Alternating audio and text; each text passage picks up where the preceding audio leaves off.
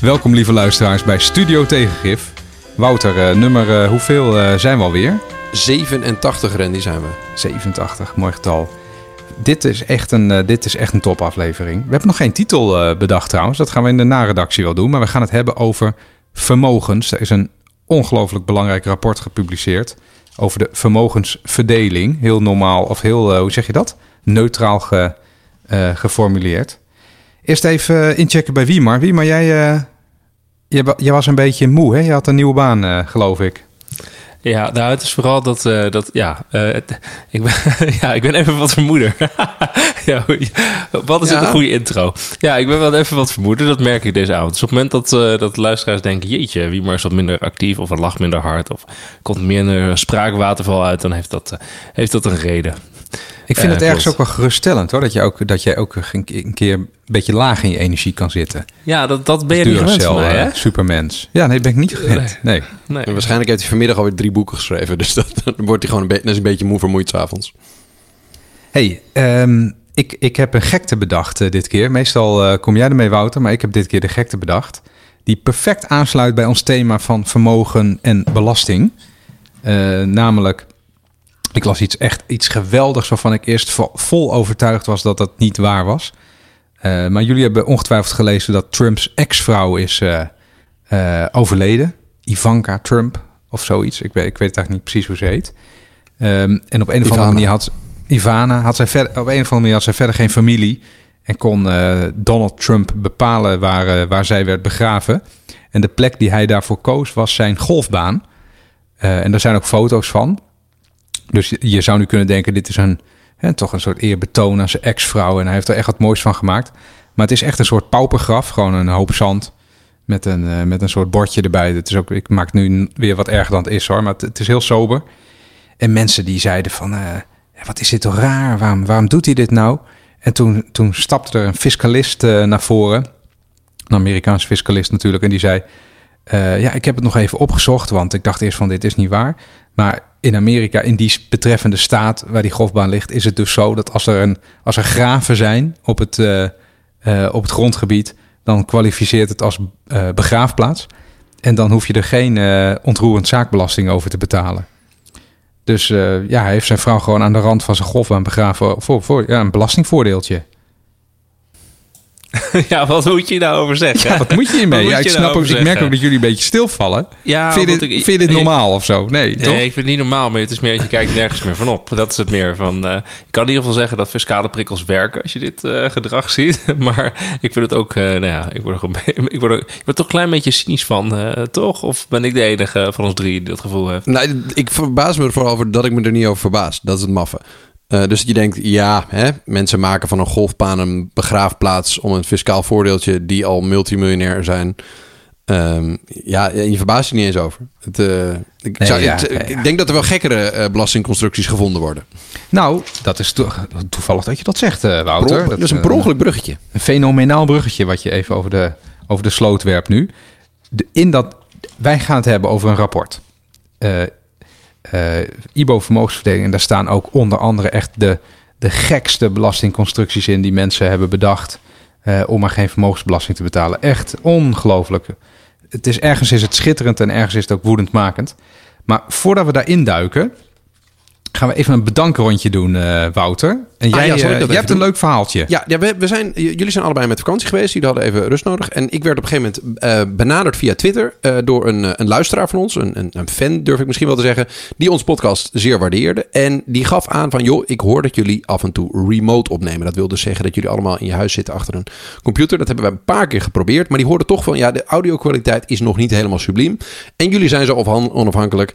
En die zei, mag ik jullie niet helpen? En nou, dat heeft er uiteindelijk toe geleid dat ik nu praat in een microfoon waar WB op staat. En dat komt van uh, Wim Brons. En uh, ja, als het goed is, als u hier naar luistert, is dit geluid gewoon echt subliem. En dat komt dus doordat we met een set werken die Wim ons heeft toegestuurd. En Wim is van remotepodcast.nl. Um, en die helpt ons nu met het uh, maken van een heel goede geluidskwalitatieve podcast. De inhoud moeten we nog wel echt zelf doen. En daar zijn we super dankbaar voor. Dus remotepodcast.nl van, van Wim. Um, zal ik direct doorgaan naar de volgende? Dat is toch lekker bezig. Ja, doe dat. Ja, uh, ik vind ook dat we toch even moeten noemen dat, dat we hebben dus een paar weken vakantie gehad. En alsnog zijn er mensen die um, uh, www.vriendvandeshow.nl slash studio-tegif weten te vinden. We hebben nog we hebben in, in onze vakantieperiode, terwijl we niks gepost hebben, dat soort dingen, een aantal donateurs erbij gekregen. Um, en die zijn we natuurlijk super dankbaar. We gaan ze niet allemaal bij naam noemen, hebben we ooit afgesproken. Maar eentje wil ik toch wel noemen, dat vond ik erg mooi. We kregen twee dagen geleden een berichtje van een donateur die een bedrag per jaar aan ons wilde geven, zodat we deze podcast kunnen blijven maken. En meneer Kater. En die gaf aan: jullie moeten, nou, als jullie het hebben over waarom iedereen zo boos is in Nederland in jullie vorige aflevering, eens kijken naar dat rapport over vermogensverdeling. Dat is echt iets voor jullie. Nou, laat het nou precies zo zijn dat we dat misschien al een beetje van plan waren. Maar meneer Kater heeft ons wel over de streep getrokken. Dus deze is speciaal ook een beetje voor onze donateurs die wilden dat wij hierover gingen babbelen. Dat was hem, Randy. Dat, de bedankjes. Dat, dat, is, dat was heel wervend. Dat, uh, dat is echt value for money, hè, wat we nu dan bieden hey, laten we gewoon naar dat rapport. ja, ja, ja, precies. hey, laten we dan uh, nu naar dat rapport gaan. Uh, de, de, dit is een IBO. Niemand, niemand, niemand weet wat dat is in de normale wereld. De titel is Licht uit spot aan de vermogensverdeling. Um, en dit is een belangrijk rapport. En wie maar, misschien, jij, jij zit hier het beste in. Misschien kan jij, kan jij uh, eens een beetje rustig uitleggen. Wat is een IBO? Wat is hier zo belangrijk aan? Ja, wat, wat dit dus is, is een uh, IBO staat voor Interdepartementaal Beleidsonderzoek. Wat dus betekent dat er uh, meerdere departementen, want het is inter, dus meerdere departementen uh, oh, meedenken en naar dus beleid, een bepaalde beleidsvraag onderzoeken. dat wordt dus gedaan door ambtenaren, een onafhankelijke werkgroep in die zin. Dus de ministeries die meedoen aan het onderzoek, die vaardigen ambtenaren af. De werkgroep krijgt volgens een secretariaat van uh, het ministerie, wat eigenlijk vaak ook de, de, de van een taakopdracht uh, was. Uh, en er komt een onafhankelijke voorzitter, die dus discussies of noem je twistpunten moet beslechten en het proces moet begeleiden. in dit geval was het dus Laura van Geest bij dit IBO. Ehm, en um, ja, wat zij dus eigenlijk doen, ze krijgen dus een taakopdracht mee van het van eigenlijk de ministerraad. Uh, die wordt vaak bij Prinsjesdag, bij de miljoenennota wordt er aangegeven... nou, uh, we gaan als regering weer een aantal uh, IBO-trajecten starten. Er zitten ook taakopdrachten bij. en dit wordt dus altijd gedaan vanuit het ministerie van Financiën. Het ministerie van Financiën is het ministerie wat dus de IBO's coördineert... En die dus ook allerlei beleidsregels voor maakt. In de zin van waar moet het aan voldoen? Uh, wat moet het uh, opleveren? En vroeger was het eigenlijk zo dat er altijd bij een, een IBO, want anders is het natuurlijk niet het ministerie van Financiën, dat ook altijd een besparingsvariant bij moest zitten van ja, 20% van de uitgaven. ja, uh, en dat, je ziet dat langzamerhand dat wel wat los wordt gelaten. Uh, en dat er in uh, ook dit uh, IBO, dus dat er niet expliciet in de taakopdracht wordt gezegd... er moet een bepaald bedrag worden opgehaald. Er moet een bezuiniging plaatsvinden. Zeg maar gewoon ja, eigenlijk een, een verdiepend onderzoek naar, naar een thema. Zodat je er meer kenbaarheid met elkaar over hebt. En vooral is ook een, een gedeelde analyse van ambtenaren van verschillende ministeries. En uiteindelijk moet er dus wel altijd aan het einde moet er een aantal beleidsvarianten in zitten. Dus de bedoeling is wel dus dat beleid verbeterd wordt. Dus dat er beleidsvoorstellen in komen staan waar de politici dan uit kunnen kiezen. Dus uh, een, een ambtelijke menukaart is het eigenlijk. In die zin is het dus ook invloedrijk. Want op het moment dat politici in de komende periode of bij de volgende verkiezingen uh, keuzes moeten maken. Uh, wat zullen wij eens doen met belasting op vermogen of met de vermogensverdeling? Dan kan het best zo, zo zijn dat ze denken: Nou, er was toch een IBO en er was heel lang over nagedacht. Die is ongeveer een jaar aan geschreven. Um, hebben ambtenaren tijd en energie aan besteed. er is ook externe onderzoek zijn gedaan, enquêtes. Er zijn allerlei partijen bij betrokken geweest, experts. dus het is goed onderbouwd. dus misschien moeten we een maatregel hieruit pakken. En, en hoe ja, heel de IBO's doet het, het, Rijk per jaar? Is het nou iets, doen we de 10 IBO's per jaar? Of is het, hoe, hoe speciaal is zoiets? Ik, ik, moet je echt dat antwoord schuldig blijven. Maar volgens mij is het zo dat er uh, grofweg per ministerie per jaar of zo. Of zo. Nee, wel meer toch? Ik, dit, nou is een, dus, dit is een interessante discussie. Volgens mij is het, wel een lijstje. Echt wel meerdere. Hè? Dus, uh, want je hebt bij de inspectie de Rijksfinanciën op ministerie van Financiën dus echt een, een hoofdstrategische... Van, of noem je dat? Een, nou, dat, een dat mag iemand zo dan nog even analyse. 12, hè? ja, dus die, maar het is niet één per die, tien jaar of zo. Het is nee, geen parlementair nee, nee, nee, nee, is veel vaker zeg, dan dat. dat is, dit is echt zo, bij Prinsjesdag wordt er dus altijd gewoon een, een lijst aan IBO's aangekondigd. Hè? Dus de, en die wordt dan dat jaar, komend jaar afgemaakt. Dus het is Hoor je nooit een, wat over in de media? Niet altijd. Nee, maar dus, deze, er zijn ook heel veel IBO's die, die niet de media aandacht krijgen die, die, die dit IBO wel heeft gehad. Maar dit was dus blijkbaar ook een, een hot issue. Ja, maar dit, dit, ehm, de reden dat ik ook zo enthousiast ben om dit te bespreken, is dat dit, gaat, dit gaat belangrijk worden. Want die discussie over vermogen, die toch heel ongelijk verdeeld is. En als er dan nieuwe cijfers worden gecreëerd door het CBS, dan blijkt ook vaak dat er veel meer vermogen is wat, waar we het niet, helemaal niet hadden gezocht. Um, en bovendien, er komt zo'n crisis op ons af. De overheid gaat die belastinginkomsten nodig hebben. Dus die beleidsopties die hierin genoemd worden, ja, een belangrijk deel daarvan gaat, uh, gaat wel gebeuren, denk ik. Ja, precies. Ehm, en, en het is ook goed gewoon voor de luisteraar om te weten dat dit leidt dus uiteindelijk tot, en volgens mij ging Wouter dat uitleggen, maar tot, er zit dus ook een, een fichebundel bij. En een fichebundel is gewoon dus uh, allerlei maatregelen met hun gevolgen. Waar je dus, als, uh, waar je dus uit kan kiezen. Uh, dus elke fiche is één maatregel gewoon uitgewerkt. En hoeveel maatregelen waren dit ook alweer bij elkaar? Wouter, weet je het uit je hoofd? Nog meer dan 50? 40 zeggen. Of, of rond, ja, tegen de 50 fiches zitten erin inderdaad. Ja, dus de, er is... Um, en wat gebeurt er met die fiches? 56, 56 fiches. Ja, um, ja, dan kan je ze uit kiezen als, uh, als je beleid wil voeren. Dus je kan het bijvoorbeeld opnemen in je verkiezingsprogramma, uh, in je doorrekening verkiezingsprogramma. Je kan het bij een uh, tussenbegroting doen. Je kan het bijvoorbeeld gebruiken om de komende begroting voor het jaar 2023, om daar nieuwe maatregelen van daaruit te putten. Dus het is gewoon een, een ja, de nou, ik kan, ik kan wel vrij cru zeggen. Um, hier is echt heel erg grondig werk gedaan. Dus over die, die uh, bijna 200 pagina's rapport, daar zitten weer allemaal bijlagen bij en allerlei onderliggende onderzoeken. Dus echt heel grondig werk gedaan. Als je dan die 56 opties die op de menukaart ziet met, met beleidsveranderingen die die um, ja, vermogensverdeling in Nederland zouden wijzigen ten goede um, uh, bekijkt, dan kan je een groot gedeelte van de programma's van politieke partijen, denk ik, voor volgende verkiezingen gedeeltelijk gaan invullen. Want die gaan hier ook uit plukken. Die hebben zelf niet de capaciteit om zulke grondige wetenschappelijke analyses te doen. Uh, dus die gaan allemaal hier naar kijken en die gaan dit lezen en denken van, goh, wat past er een beetje bij wat, wat onze kiezers zouden willen? Wat past er bij onze ideologie?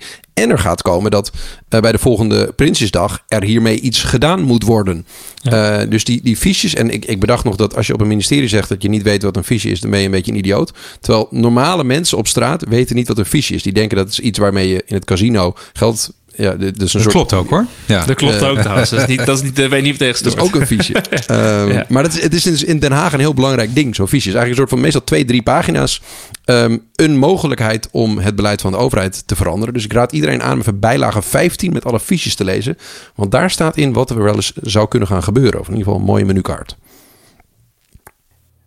Nou, dat, dat uh, uh, niet meteen ophangen mensen. Blijf maar gewoon even hangen, dan, uh, dan, dan krijg je ook heel veel daarvan voorbij hey, uh, moeten, we nog, moeten we nog een beetje uitleggen voordat we echt uh, er diep in gaan duiken? Wat is vermogen? Of. Uh... Trouwens ook nog wel, gewoon even als... als wat is ook al gebeurd bij zo'n IBO... is dat er dus um, altijd het Centraal Planbureau aan, erbij vastzit... als het over een economisch onderwerp gaat... of een socio cultureel. Dus planbureau zitten erbij. Dat is ook belangrijk. Hè? Dus dan heb je die clubs alvast mee. Um, en wat er uh, altijd staat is dat... Uh, dan heb je dus de, de, kenniskant, de wetenschappelijke kant erin. Maar ook altijd dat er een secretariaat is... en dat het rapport dan afgeleverd moet worden op een uiterlijke datum. Hier stond in de taakopdracht uiterlijk maart 2022. Maar hij is in juli natuurlijk naar uh, de Tweede Kamer gestuurd. De, en de omvang van het rapport niet groter dan 30 bladzijden. Plus een samenvatting. Dat is niet gelukt. Vijf, vijf bladzijden. Dat is niet gelukt, dat zijn, mensen. Dit zijn dingen, dus zo'n datum wordt altijd later. dus dat, je weet altijd dat er vertraging is. Je weet altijd dat het rapport veel groter was. En dat je ja, het kunt uithalen even, door heel veel bijlagen erbij te doen. Nou, dat is hier ook gelukt. even wachten, want ik had... Uh, ik, ik zag ook uh, uh, nog wat namen staan in de, de mensen die daar meegewerkt hebben. Ik had even iemand geappt. Uh, die ik nog ken van hoe lang zijn jullie hier nou mee wat bezig ben jij geweest? een insider, Randy? Goede insider ben oh, oh, oh, ja, nou het is, het is helemaal niet zo interessant hoor, wat ik te weten ben gekomen. Ik vroeg gewoon, hoe lang zijn jullie er eigenlijk mee bezig geweest? Ja, tien maanden. Wel, wel knetterhard werken volgens mij. Uh, maar uh, ik moest even denken aan dat Siewert ding. Weten jullie nog? Dat is het Deloitte? Is al. Ja, het rapport. Ja. God mag weten hoe lang bezig om te kijken wat, wat Siewert precies heeft uitgesproken met die mondkapjes.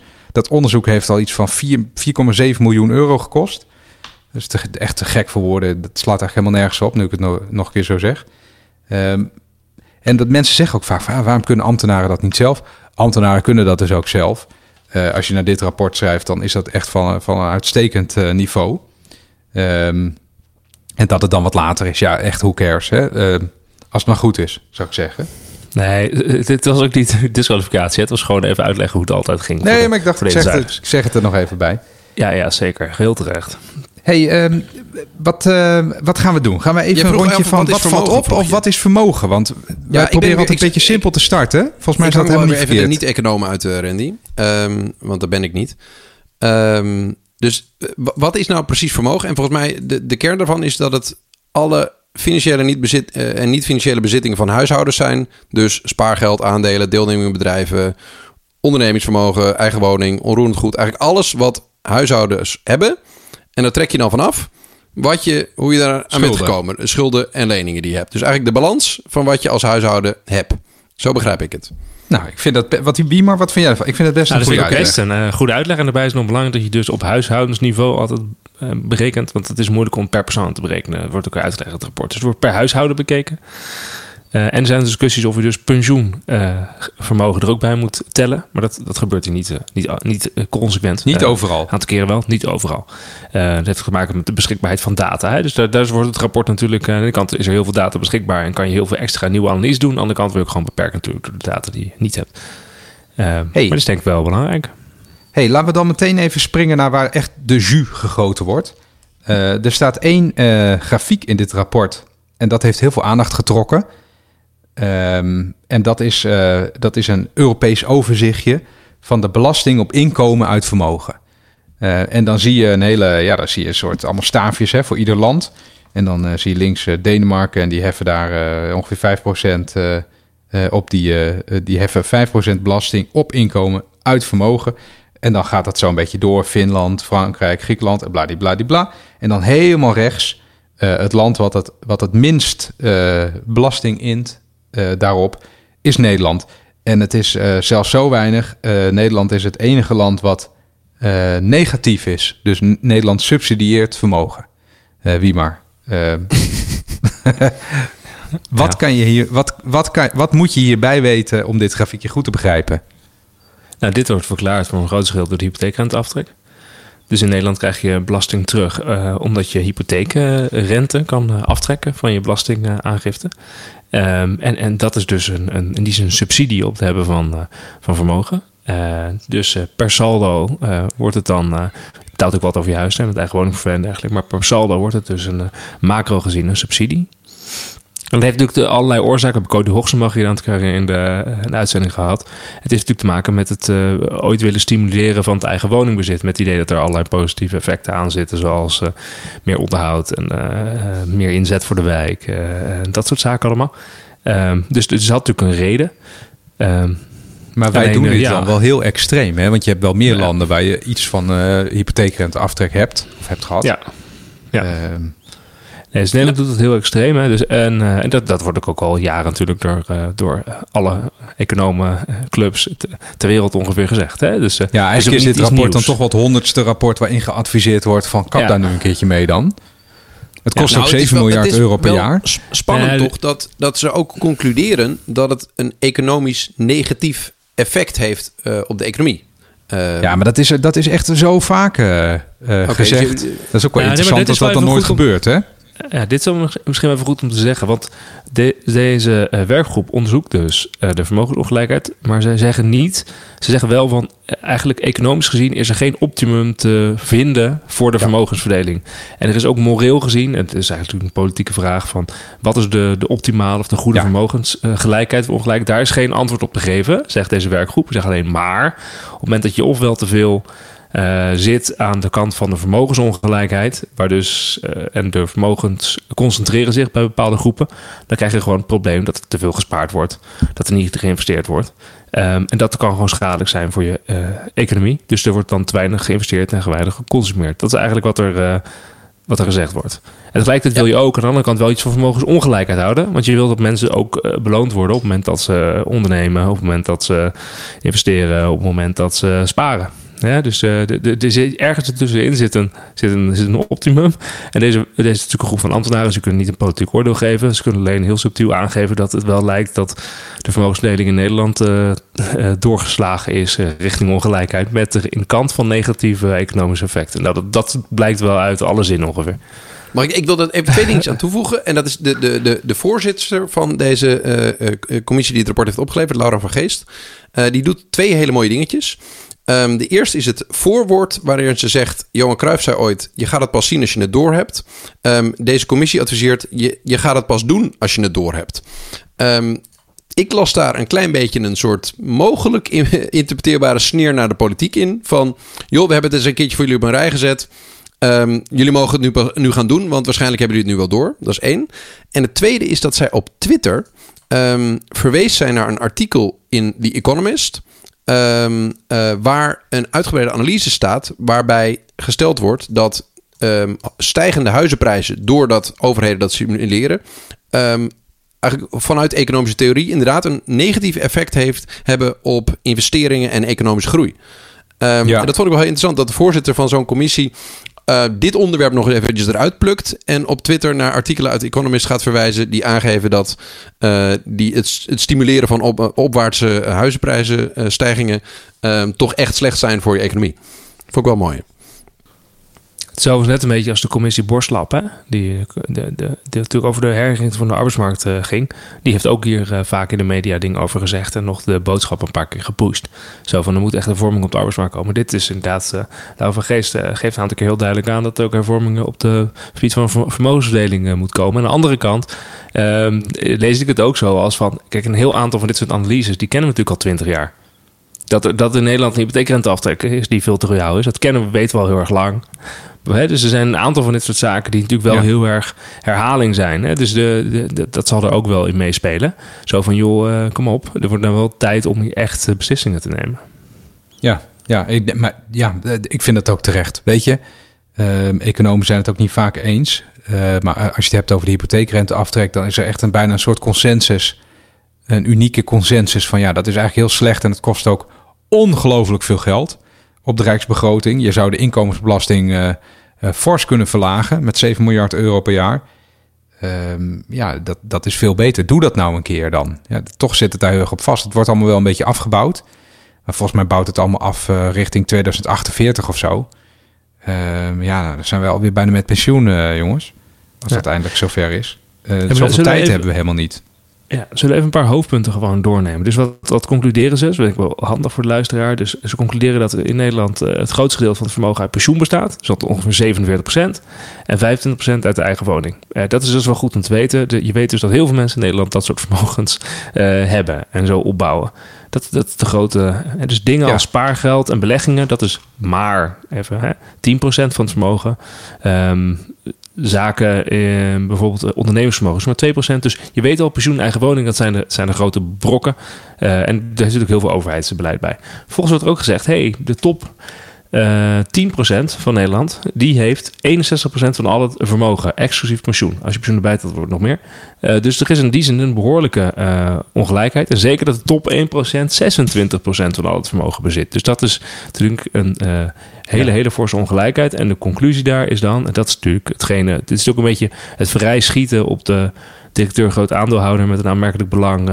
Um, dat gebeurt ook hier, want er wordt gezegd, bij die top 1% heeft het grootste gedeelte, 73%, uh, heeft dus vermogen uit uh, uh, box 2. Dus dat betekent dat je dus een uh, eigen, eigen BV hebt, daar directeur groot aandeelhouder hebt en daar op die manier je, je inkomsten uit vermogen hebt. Zal ik dit even proberen voor in normale mensentaal te vatten? Even een stukje dumbing down. Even dumbing down naar mijn niveau. Um, dus eigenlijk die top 1% die bezit 75% van het aanmerkelijk belang. Dat zijn dus de, uh, aandelen van BV's in dit land, als ik het goed begrijp. Nee. Um, nee, dat zeg ik niet goed. Nee, dus wat ik probeer te zeggen is dat de, de, de top uh, 1% heeft dus 26% van het vermogen. Maar dan kan je volgens weer onderverdelen hoe is dat vermogen verdeeld, wat zij hebben. En daarvan mm -hmm. is dus een groot gedeelte komt dus, zit dus in BV's. komt daar vandaan. Ja. En dat oh, is nee, heel nee, anders. Dit, dan de, dan de, dan de mensen die, die lager in de verdeling zitten. Want die hebben dus vooral, zoals we net vertelden, pensioen en eigen woning. Dat is daar heel, uh, uh, heel belangrijk. Ja, nee, ik wilde eigenlijk zeggen dat waar de top 1% haar inkomen vandaan haalt, is voornamelijk uit uh, winst en inkomen uit vermogen en niet uit arbeid of ja. whatever. Um, ja. En toevalligerwijs worden die zaken een stuk lager belast. Ja, want dat is het volgende. Dus dit, dit, ze concluderen dus inderdaad, er is een enorme vermogensongelijkheid, maar ook dat die, die top 1%, dat die inderdaad uh, aan wat ze dan in economische termen aan belastingarbitrage kunnen doen. Dus die kunnen uh, hun best dat? doen op in la, ja, die kunnen dus uh, kiezen opties. opties om zo min mogelijk belasting te betalen over hun inkomen of hun hun vermogen. En dat is ook precies wat je, wat je hier uh, ziet. Dat er, ze zeggen dus belastingen versterken de onevenwichtigheid. Dus de eerste conclusie die ze doen is dat ze zeggen... ja, als je werknemer bent, heb je een veel hoger belastingtarief... dan als je bijvoorbeeld directeur groot aandeelhouder bent. Dus als je op die manier arbeid krijgt als werknemer... Eh, voor arbeid verricht als werknemer krijgt er inkomen uit... Ja, dan ben je gewoon, uh, betaal je gewoon veel meer belasting dan als je een ja, DGA en dat is, bent. dat dus, is wel... dus, je kan, dus als je kiest om DGA te worden en je kan daar iets mee doen... zoals die top 1%, dan zit je al in een betere belastingregime. Ja, en straks, straks gaan we ook even wat uh, interessante constructies langslopen. En dan zie, je, dan zie je wat voor opties er allemaal zijn als je in die categorie zit met een eigen bedrijf, met een groot vermogen. Opties die um, normale mensen, laat ik het zo zeggen, allemaal niet hebben. hey, maar een ander, wat ik nog even in wil brengen, een ander uh, grote bevinding van dit rapport is dat de afgelopen jaren vaak al werd gesproken over dat die vermogensverdeling, oh, die is toch wel heel scheef werd vaak tegengeworpen. Ja, maar als je pensioenvermogen meeneemt, dan ziet dat beeld er heel anders uit. Want allerlei hele gewone mensen die helemaal geen grote vermogens hebben, die hebben wel pensioenvermogen. Uh, nou, dat is dus in dit rapport gedaan, dat pensioenvermogen meenemen. En de opvallende conclusie is dat dat dus eigenlijk allemaal helemaal niet zoveel uitmaakt. Voor hoe, die, hoe scheef die verdeling is. Dus de scheefheid van die verdeling die blijft, die blijft ongeveer op dezelfde manier in stand. Uh, wanneer je dat pensioen uh, wel meeneemt. Dus dat betekent ook die pensioenen aan de bovenkant, die zijn ook, denk ik, dan groter dan men had, had ingeschat. Hè, de reden dat ze dat eerst niet, uh, of dat dat, dat dat toch een beetje lastig is om te zien, is dat de, de toerekening van die enorme collectieve pensioenpotten naar individuen een beetje lastig was. Dat hebben ze in dit rapport dan toch gedaan. ja, en dan zie je dat, dat, dat, die, dat die eigenlijk even scheef is. En dat is, dus, maar dit is inderdaad een hele, hele belangrijke conclusie. Want eh, veel mensen zeggen, ja, vermogens, inderdaad, vermogensongelijkheid in Nederland valt mee als je pensioenen meeneemt. Dat wordt dus nu gewoon uh, door deze werkgroep aan de kant geschoven. Van dit klopt niet. Dat zeggen we al jaren. dat is gewoon mensen niet zeggen, maar het klopt gewoon ja. niet. Nee. nee. dat is weer zo'n punt van jarenlang is gezegd van ja, het is allemaal niet zo interessant, het valt wel mee. Hè? Uh, ja. Maar iedere keer dat je dan toch beter erop in kan zoomen, dan zie je dat het, uh, dat, dat het niet, eigenlijk niet meevalt. Hey, maar dat is, is, dat niet wat... een beetje een soort overkoepelende les? Dat, dat heel vaak allerlei reacties op de vermogensverdeling in Nederland zijn van... ja, maar dat is heel moeilijk te onderzoeken, want ja, dit, ja, dit. Maar of dit, nee, ja, maar, maar pensioenen worden niet meegenomen. Of nee, um, ja, de, de, aandeelhouderschappen van bedrijven zijn heel moeilijk weer, weer te geven... en het, de winst en het inkomen dat mensen eruit hebben. En dit rapport pakt heel veel van die tegenwerpingen... en zegt eigenlijk, nou, daar hebben we wel meegenomen, klopt niet. Ja, ja, nou ja, inderdaad. Ja, daarom gaat dit ook zo belangrijk zijn, denk ik. Dus uh, die oppositie die er altijd is geweest tegen, uh, tegen het uh, op gelijke manier belasten van vermogen, die gaat nu gebroken worden hierdoor. en uit de noodzaak om meer belastinginkomsten te genereren. Ja, ik, ik vond het eentje, nog één zinnetje uit de samenvatting zou ik graag even noemen. En dat, dat is een punt, dat zie je eigenlijk in het hele rapport terug. Dat ze ook de conclusie stellen dat een onevenwichtige belastingheffing en complexiteit binnen het huidige belastingstelsel leidt tot belastingconstructies. En dat die oneindelijk ge, eigenlijk gebruik uh, uitlokt wat ten voordele is van de vermogenden. Um, ja. Dus eigenlijk zeggen ze, het stelsel is heel ingewikkeld. Uh, dat lokt uit dat er complexe constructies komen. En dat is ten voordele van degene die het meeste vermogen hebben. Um, ja. En dat, ik vond het wel een duidelijke conclusie dat dat, dat immens complexe stelsel dat wij hebben met ontzettend veel uitzonderingen en verschillende boxen waar allerlei regelingen bestaan, dat het dus ja, ten gunste is van degene die gebruik kunnen maken van constructies om gebruik te maken van die complexiteit. Ja, ja. Ja, er worden constructies genoemd uh, waarbij ik het gevoel krijg van er wordt meer misbruik van gemaakt dan, dan ge gebruik, zoals het ooit bedoeld de is. De bedoeling is misbruik. Ja, ja, dat... dat, dat uh, Durf niet vraag, uh, handel je volgens de wet of handel je in geest van de wet en zo? Dat, ja. dat soort discussies. Maar ik vind dan, uh, dit is inderdaad uh, de, dat het aanleiding geeft om, om tot belastingconstructies die een voordeel zijn van de rijken, is een wat simpele uitleg dan wat ik net zei. er is mogelijkheid op belastingarbitrage. Ja, Als in, ja, je kan gewoon kiezen, je kan gewoon kiezen inderdaad van waar het gaat het laagste punt, om zo te zeggen. Dus je kan kiezen van ja, waar betaal ik het minste belasting? En als jij toevallig in staat bent om een hele goede boot te betalen, dan kan je naar dat laagste punt. Het hele flauw. Hey, maar, maar dan dat, is het heel is... belangrijk om nog even te zeggen dat dat, dat boxenstelsel wat wij hebben, de, de, de gedachte daarachter was altijd dat um, er evenwichtige belastingheffing zou zijn. Dus dat niet de ene groep die ongeveer hetzelfde zou kunnen verdienen, maar iets anders doet, bijvoorbeeld ondernemer of nou ja, weet ik veel wat. dat iedereen een, een, beetje op dezelfde manier belast zou worden. Eh, wat hier dus op een rijtje wordt gezet, ook op uh, ja, heus wel op basis van kennis die er ook wel was, maar echt wat heel helder en scherp op een rijtje wordt gezet, is dat er hele grote onrecht, ongerechtvaardigde verschillen zijn tussen uh, belastingheffing. Bijvoorbeeld, had ik natuurlijk even moeten opschrijven, maar er zit ook een grafiek in die laat dan zien um, wat dan de belasting op inkomen is voor verschillende soorten inkomen. Dus DGA's, directeur groot aandeelhouders, betaalt zichzelf een inkomen uit. Uh, en uh, mensen die uh, regulier in loondienst zijn, die krijgen ook een inkomen. En het verschil tussen, tussen belastingheffing loopt wel op tot 14,5 procent. nou, dat is natuurlijk een ongelooflijk verschil als je dat over je eigen inkomen zou, zou berekenen. Ja, precies. Je kan ook bepalen inderdaad van hoe je, als je dus slim bent en kan kiezen wat, je, wat, voor, wat voor vorm je je inkomen krijgt, dan kan je dus lage belasting krijgen. En wat het rapport dus ook zegt, ja, je kan dus ook um, kiezen in wat voor vorm je pensioen opbouwt. Want aangezien spaargeld en belegging wordt op een hele andere manier belast dan bijvoorbeeld uh, een tweede woning of andere panden of uh, pensioen wordt op een andere manier belast. Dus als je slim, uh, je kan dus met een slimme belastingconstructie, kan je ook bedenken, ja, op, op welk van deze manieren ga ik vermogen opbouwen, zodat ik zo min mogelijk belasting over betaal. Um, en als dit, dit, ze hebben ze voor inkomen uit vermogen, ze hebben het over uh, verschillende vermogensvormen waar je kan opbouwen. Maar, en als laatste nog, ja, hoe ga je aan vermogensoverdrachten werken? In de zin van, je kan ook uh, van, van natuurlijk geld, vermogen overgeven aan iemand anders. Bijvoorbeeld aan een kind of aan een vriend of aan een. Hè? En, of, en dan kan je dus kiezen, ja, als je een bedrijf hebt, kan je bijvoorbeeld ondernemersvermogen via allerlei bedrijfsbevolkingsregelingen met hele lage belastingen kan je over, overdragen. en ook in schenkingen en erfenissen heb je allerlei constructies, mo ja, mogelijkheden, keuzes. Ja, dat leidt tot enorme verschillen. weinig.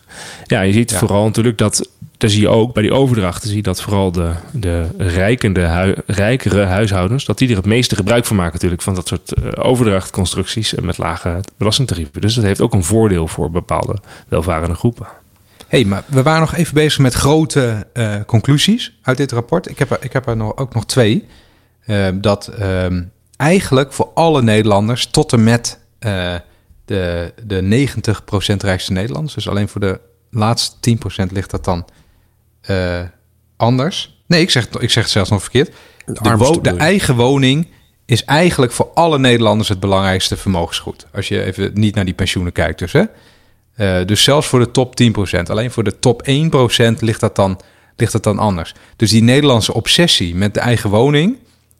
Uh, tenminste, zo, zo zou je dat dan best wel kunnen zeggen, volgens mij die is helemaal niet zo vreemd. Want zelfs voor echt ontzettend rijke mensen, er is ook helemaal niks mis mee met rijk zijn, maar zelfs voor ontzettend rijke mensen is, uh, is de eigen woning nog steeds het belangrijkste vermogensgoed wat ze hebben. Had ik eigenlijk niet gedacht uh, van tevoren. Uh, en een ander punt, daar ga ik meteen maar even door. Een ander punt wat, wat voor mij een hoofdconclusie was, ze benoemen dat niet zo expliciet.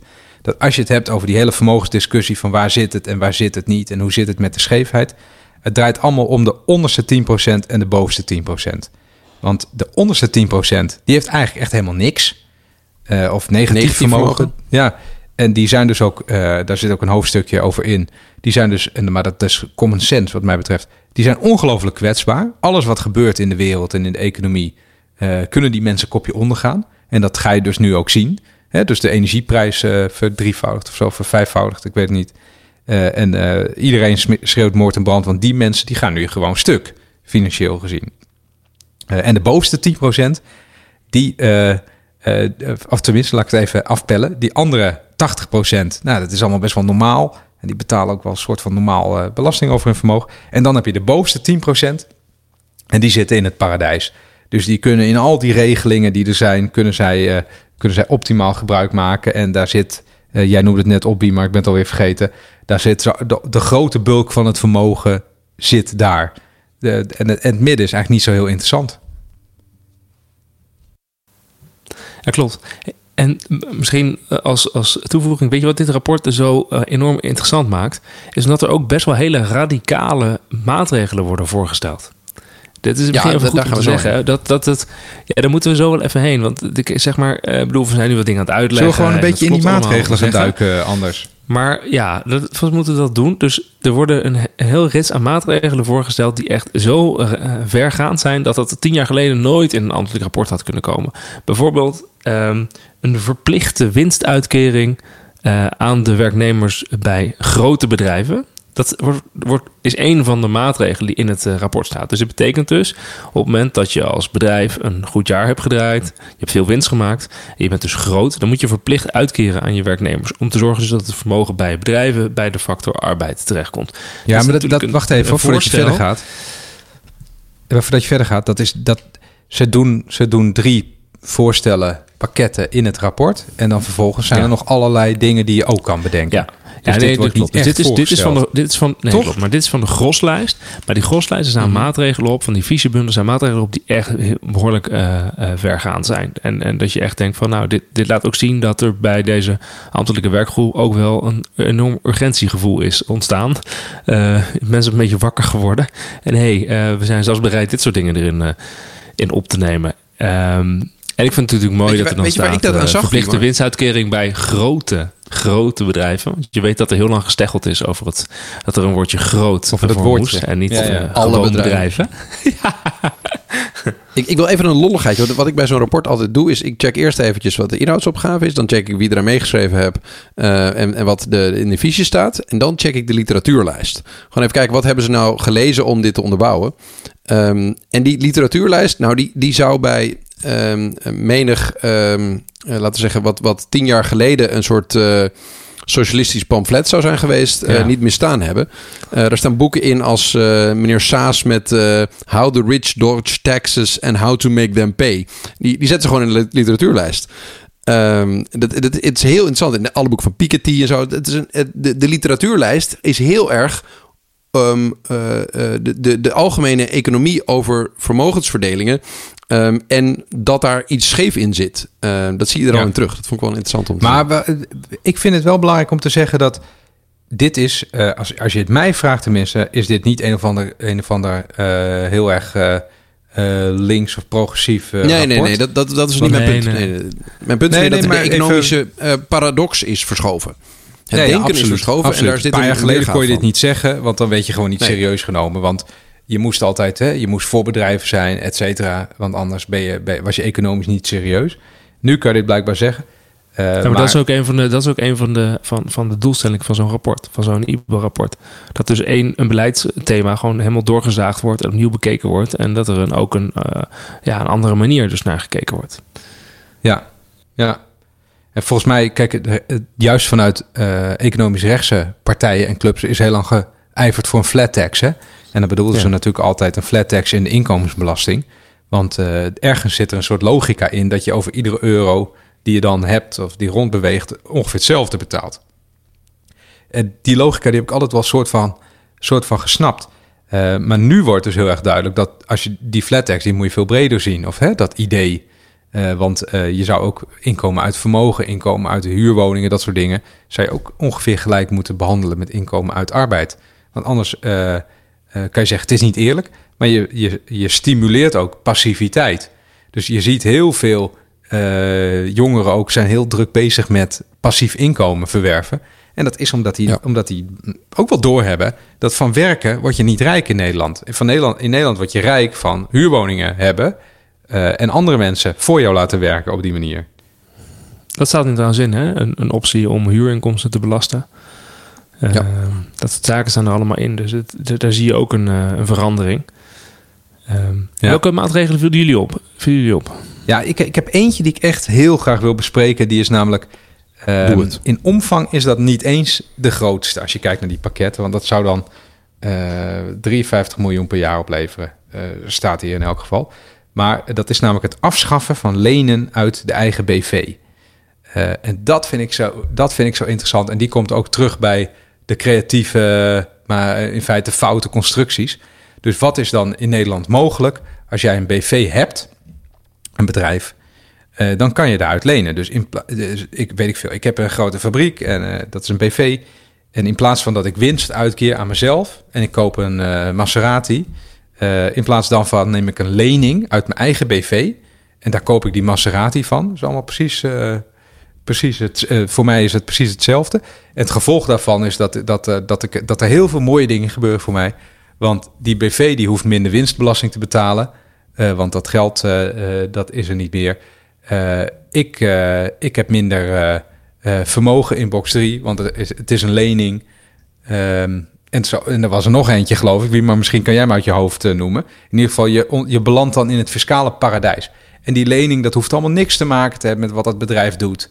Uh, en de, dat, het feit dat het, dat het puur gebeurt om belasting te ontduiken, dat, uh, dat maakt allemaal ook niet uit. Dat kan je gewoon doen. En zij stellen nu voor om dat dan af te schaffen. En dat vind ik zo, zo bijzonder eigenlijk, dat dat nog steeds kan. Hè? Dat je nog steeds gewoon uit je, uit je eigen BV kan lenen. En het wordt dan nog zotter. Je kan dus ook uh, in Nederland... Uh, kan je binnen 24 uur een BV oprichten. Als wij met z'n drieën een BV'tje willen oprichten... of alle drie apart... dan kunnen we over uh, een etmaal kunnen we dat BV'tje hebben. en als ik dan bijvoorbeeld heel veel geld... dat is een van die constructies die wordt genoemd... als ik dan bijvoorbeeld miljoenen heb... 70 miljoen wordt daar genoemd als voorbeeld... en dat wil ik aan mijn neefje laten erven... wanneer ik doodga... nou, dan stop ik dat in een BV dan, dan doen we eigenlijk net alsof dat een bedrijf is wat echt wat doet. Um, dat kan. Uh, en dan uh, stop je dat, dan, dan kan het BV'tje over naar mijn neefjes zodra ik dan de pijp uitga. Volgens de bedrijf opvolgingsregeling. En dan betaalt hij in plaats van, ik doe het een beetje uit mijn hoofd hoor, maar dan betaalt hij in plaats van 21 miljoen erfbelasting, betaalt hij dan nog maar iets van 3 tot 5 miljoen. Dus het verschil is ongelooflijk groot. En het is gewoon, het is gewoon zwendel in feite. Er gebeurt niks, er is geen bedrijf, het is allemaal papier. Uh, en dat, dat kan allemaal maar in Nederland. Vond je het radicaal dat dit voorgesteld wordt om dit aan te pakken? Of dacht je van eindelijk zien ze deze open deur en trappen ze nee, ja. even in? Ik vind het radicaal dat, dat, dit nog, dat dit nog legaal is in Nederland. Dat is radicaal. Maar dit is ook wel vaker voorgesteld, hoor, dat dit afgeschaft moet worden of aangepakt moet worden. Waarom gebeurt het dan steeds niet? Nou, omdat er ook politieke belangen zijn om uh, dit niet te doen. Namelijk bijvoorbeeld van die top 1%. dus het is wel goed om even... Kijk, dat is wel... Dus er zitten natuurlijk ook wel gewoon uh, analyses en voorstellen in... die al meerdere keren voorgesteld zijn... maar die nooit politieke meerderheid hebben gekregen. Uh, omdat er gewoon bepaalde belangen achter zitten... en partijen dat niet willen. En je hoopt nu door in ieder geval de feiten op een rij te hebben... dat je nu wel de keuzes maakt. En wat ik een, een, een, een, ander, een ander interessante vind... is wat ze noemen... daar hebben we het eerder over gehad in de podcast... over de doelmatigheidsmarge voor het gebruikelijk loon van de directeur de aandeelhouder. Ja, dan moet je even rustig uh, uitleggen. Even, even, even heel rustig uitleggen. Oké, okay, dus op het moment dat jij een DGA bent, dus je hebt een eigen BV, een, eigenlijk 100% waarschijnlijk van de aandelen in. Dan moet je jezelf, omdat je natuurlijk eigenaar bent, in dienst van je BV, moet je jezelf een loon uitkeren. En normaal gesproken moet je dat doen wat een loon wat zeg maar gewoon is, ik, gewoon mensentaal, gewoon is in de sector waar je actief bent. Ja. Maar je mag dan wel ja, een beetje verlagen. dus je hebt, dat, heet je, dat heet dus de doelmatigheidsmarge. Dus je kan bijvoorbeeld zeggen, weet je wat, um, uh, 25%. Dus weet je wat, normaal gesproken, uh, kijken of we naar de rekensom uh, goed maakt hoor. Laat het heel simpel houden. Normaal gesproken is het 40%. Als je gewoon zelfverzekerd doorpraat, dan zeggen wij, dan zeggen wij gewoon... Het is 40.000 40 euro uh, zou je normaal gesproken zo moeten uitkeren. Laag is dat van liggen. Maar dan vervolgens zeg je, oké, okay, nou weet je wat, ik ga 25% doelmaatreismarge. Nou, ik hoef mezelf maar 30.000 euro uit te keren. Betekent dus dat je over die 10.000 euro, dat je daar dus niet, dat je dus geen belasting over hoeft te betalen. Want je houdt dat in je BV. Um, ja, en dit en levert dus wel eigen... veel geld op. Hè? Dit levert 800 miljoen per jaar op. Ja. Dit is blijkbaar ja. iets wat, wat massaal gebeurt. Ja, dit gebeurt natuurlijk massaal. Want het zijn natuurlijk redenen, eh, zeg maar ook positief. Hè? Dus als je je gebruikt loon wat lager vaststelt met de doelmatigheidsmarge, hoef je minder uit te keren uit je BV en kan je het gebruiken om in je bedrijf te stoppen. Uh, dus dat is een positief. Aan de andere kant kan je ook zeggen, ja, daardoor betalen er mogelijkheden om geen belasting, of nee, belasting te ontwijken. Um, nou, daar haakt deze werkgroep nu op aan. Dus je zou doelmatigheidsmarge kunnen afschaffen of naar 10% kunnen doen. Of, dus, nou, dat is ook zo'n bijna, voor mij in ieder geval, bijna no-brainer. Uh, dat je denkt van ja, dit had je ook al best wel lang kunnen invoeren. En dus, er zit nog een andere in pakket A. Dit wat jullie nu noemen, dit zit allemaal in pakket A. Um, dat is namelijk het afschaffen van het lage VPB-tarief. En daar had ik nog nooit zo op die manier helemaal bij stilgestaan. Want zij zijn daar heel kritisch op. Want je hebt dus twee tarieven in de vennootschapsbelasting, de winstbelasting. het hoge en het laagtarief. En het lage tarief, dat is uh, altijd, altijd zo gepresenteerd van... Nou, dat is voor wat kleinere bedrijven... of bedrijven die maar heel weinig winst maken... grote bedrijven die dan relatief heel weinig winst maken... en die hoeven dan een lager tarief te betalen. Maar wat, wat gebeurt er dan natuurlijk... Uh, is dat heel veel bedrijven zichzelf gaan opsplitsen... Uh, dus als een bedrijf drie keer boven die marge zit, dan hè, dus drie keer die laagste schijf is, dan gaan ze in drie bedrijven opsplitsen. En dan vallen ze drie keer in het, in het laagtarief. Dus er gebeuren allemaal dingen puur om fiscale redenen. Dus dat heeft met economie of bedrijfsvoering allemaal niks meer te maken. Uh, en ja, daar zijn ze dan heel kritisch op. En dat kan dus, dat zie ik hier, dat kan dan 5 miljard per jaar opleveren. Uh, waarmee dan bijvoorbeeld uh, dat, dat, dat soort voorstellen doen ze dan ook gelijk. de, de werkgeverspremies kan verlagen. Hè? Dus dat bedrijf profiteert daar dan ook zelf weer van. Uh, dat is allemaal veel economisch doelmatiger dan uh, zo'n laag tarief uh, in stand houden. Ja, ja, precies. Wouter, wat voor jou op? Ja, ik, ik moet naar mijn eigen hobbyhorse, waar ik denk ik al een jaar of, nou, ik denk wel een jaar of zeven op hamer. Namelijk de schenk- en erfbelasting die hoger moet. Um, en de, dit rapport doet echt een, hele mooie poging. Er staat een soort economische analyse van die, nou niet eens een economische, maar eigenlijk een soort morele analyse van de discussie over schenk- en erfbelasting. Want allereerst wordt geconcludeerd dat vermogen dat in families van generatie op generatie doorgegeven wordt, dat het een belangrijke reden is van de vermogensongelijkheid in Nederland. Dus ja, een groot gedeelte van de reden is gewoon waar je wieg staat in Nederland. Dus niet je werk, maar je wieg is een vrij uh, belangrijk onderdeel van hoe, hoe vermogend jij het leven zal doorbrengen. Um, maar ze concluderen ook van ja, die, die erfbelasting uh, en schenkbelasting roept hele heftige emoties op. Want je kunt er vanuit verschillende perspectieven naar kijken. Bijvoorbeeld, sommige mensen zeggen ja, het, de erfbelasting is een, een sterftax en dat, dat beperkt de individuele vrijheid van mensen om hun uh, geld nadat ze dood zijn gegaan te geven aan wie ze maar willen. Um, Um, of het is, het is geld waar al belasting over is gegeven. Maar daar zetten ze dan weer de perspectieven naast van ongelijkheid die dit verhoogt. Dus mensen die bij hun geboorte al uh, tonnen bezitten.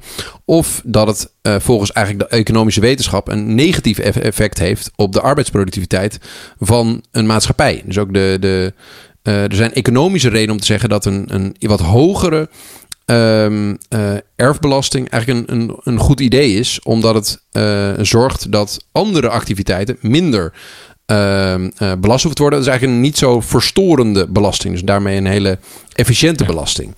En ja, dat, wat dat ik wordt ook wel heel klassiek uh, verdedigd. Hè? Ja, sorry, ik onderbreek je. Ga, ga eerst even door. Nou, wat ik wil zeggen, ze doen een hele mooie analyse van de discussie over erfbelasting. En als je dan vervolgens gaat lezen wat er in die fiches staat, wordt er eigenlijk gewoon gezegd: bevorderen van de kansengelijkheid via vermogensoverdrachten tussen generaties. En daarin stellen ze eigenlijk één perspectief in de rationaal. Namelijk dat um, het financieel gewin is zonder tegenprestatie, een erfenis. Dat het heffen van erfbelasting in economische zin helemaal niet verstorend is. Um, uh, doordat het arbeidsaanbod niet wordt beïnvloed door erfbelasting. En dat het dus een hele goede manier is om het, de overdracht van vermogen uh, gelijker en eerlijker te verdelen. En uh, met een positief economisch effect te verdelen. En dan stellen ze een aantal maatregelen voor om niet eens uh, veel meer te gaan heffen, maar eigenlijk om het anders in te richten. Uh, ze stellen bijvoorbeeld een vrijstelling tot 30.000 euro voor iedere vorm van, van erfbelasting voor. Um, en, en stel het eigenlijk voor op een andere manier in te richten. Um, en dat, dat vond ik wel weer, ja, dat, dat wordt nogmaals benoemd uh, als een suggestie. En ik vermoed dat dat, dat, dat nog wel tot wat uh, ophef gaat leiden dat partijen hierop gaan inhaken. Ik begrijp dat jullie uh, speeches zijn. Zal ik doorgaan met mijn lijstje? Of, ja, nee, ik, ben, ik zou rustig luisteren. Ik vind het ook mooi, want ik, ik ken je al ik... wat langer. En ik weet dat je hier echt al zo lang mee bezig bent. Dus ik vind het altijd mooi als jij begint het, over, ik, ik heb, over kunt, erfenis. Op ieder, fe, op ieder feestje, als het echt stilvalt, kun je, kun je met mensen discussiëren over de erfbelasting. En dan kun, dat is en ook is het feestje ook klaar. Ja, dan kun, je dan, dan kun je gewoon snel met ruzie naar huis. Nee, maar mensen zeggen heel vaak van... Ja, maar daar is toch al belasting over gegeven door de... de nou ja, daar hebben we het ja, maar dat, is, dat, is, dat is een hele krachtige emotie. Want ja, natuurlijk ik, is het inherent aan belastingheffing. Mijn ouders je... hebben al belasting betaald. Mogen ze gewoon aan mij geven? Maar, over, maar jij niet. over euro's, wanneer ze rondbewegen in de economie... dan wordt gewoon steeds belasting gegeven. BTW, en, en wat ik heel mooi vind, is telkens dat, dat wat dit rapport goed schetst, is het perspectief van de totale belastingen die geheven worden.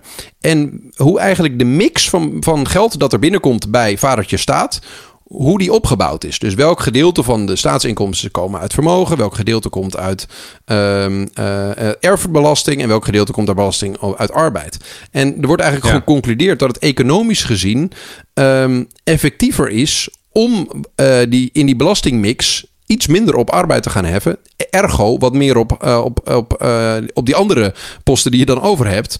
Uh, ja, om het wat eerlijker te verdelen. Ja, omdat dus, die omdat denkstap dus maken mensen natuurlijk al niet. Hè? Dat, dat, dat dat communicerende vaten zijn. Dat als je, als je niet, als je of heel weinig of niet op, erfen, op erfenissen binnenhaalt... dan moet je dat ergens anders binnenhalen. Want ja, de dijken moeten wel onderhouden worden, plat gezegd. Het, maar dat, mhm. dat zien mensen natuurlijk niet zo snel.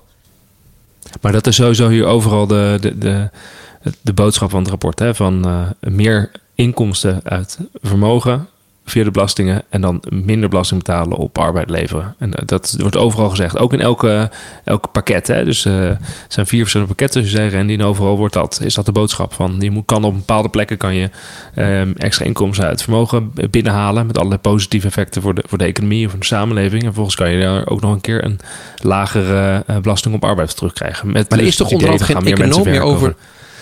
Ja, maar economen, zetten, maar dit is ook, economen zegt dit ook al heel erg lang. Dus dit, is ook wel goed om even wel om ook een uh, wat meer uh, politiek-economische analyse te maken. Waarom dit al twintig jaar gezegd wordt, maar al twintig jaar niet ingevoerd wordt. Want dat is natuurlijk wel wat er aan de hand is.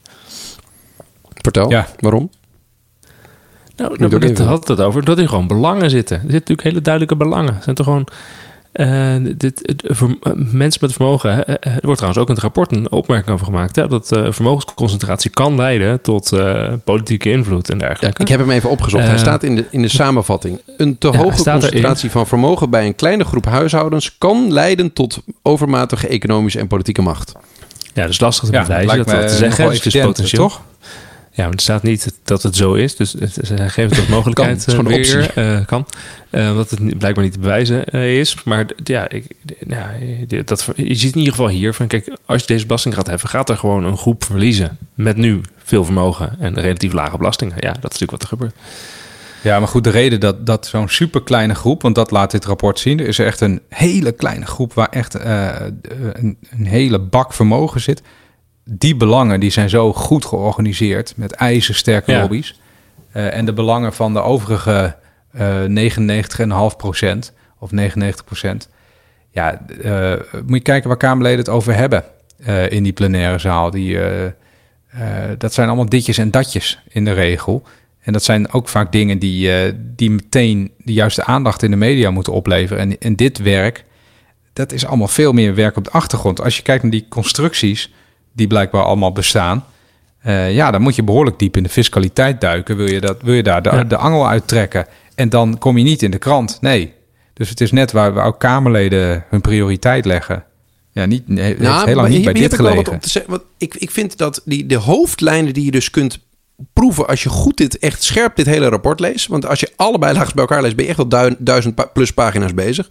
Um, er zitten een aantal hoofdlijnen in. En het gaat gedeeltelijk ook over simplificatie van het belastingstelsel. Wat ten goede zou komen van het collectief. Nou, dat is een hele simpele boodschap. Gewoon, mensen hebben recht op een simpeler belastingstelsel. Dat is goed voor ons land, goed voor de economie. Kun je een verhaal mee inbouwen. Een tweede is transparantie. Er zitten ook heel veel fiches, daar had ik zo nog een heel verhaal over.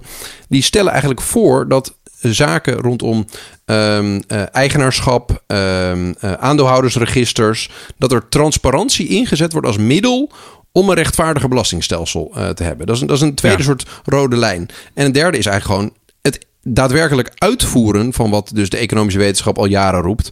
Om die verschuiving van belastingen van vermogen en, en erfenissen, dus eigenlijk gewoon uh, het belasten van zaken die niet arbeid zijn, om dat te verhogen ten gunste van een lagere belasting op arbeid. Om daar echt werk van te maken. En, en wat mij verbaast is dat er nog weinig progressieve politici zijn die dit oppakken en alle zaaltjes en complotpodcasts afgaan. Uh, waar mensen het World Economic Forum van alles zitten te verwijten. Of, of allerlei andere gekke complotgedachten hebben. En zeggen van jongens, dit is waar wij ons echt op moeten focussen. Als jullie het hebben over er is een soort groep die hier uh, uh, macht heeft. Waar wij maar steeds de vinger niet op kunnen leggen.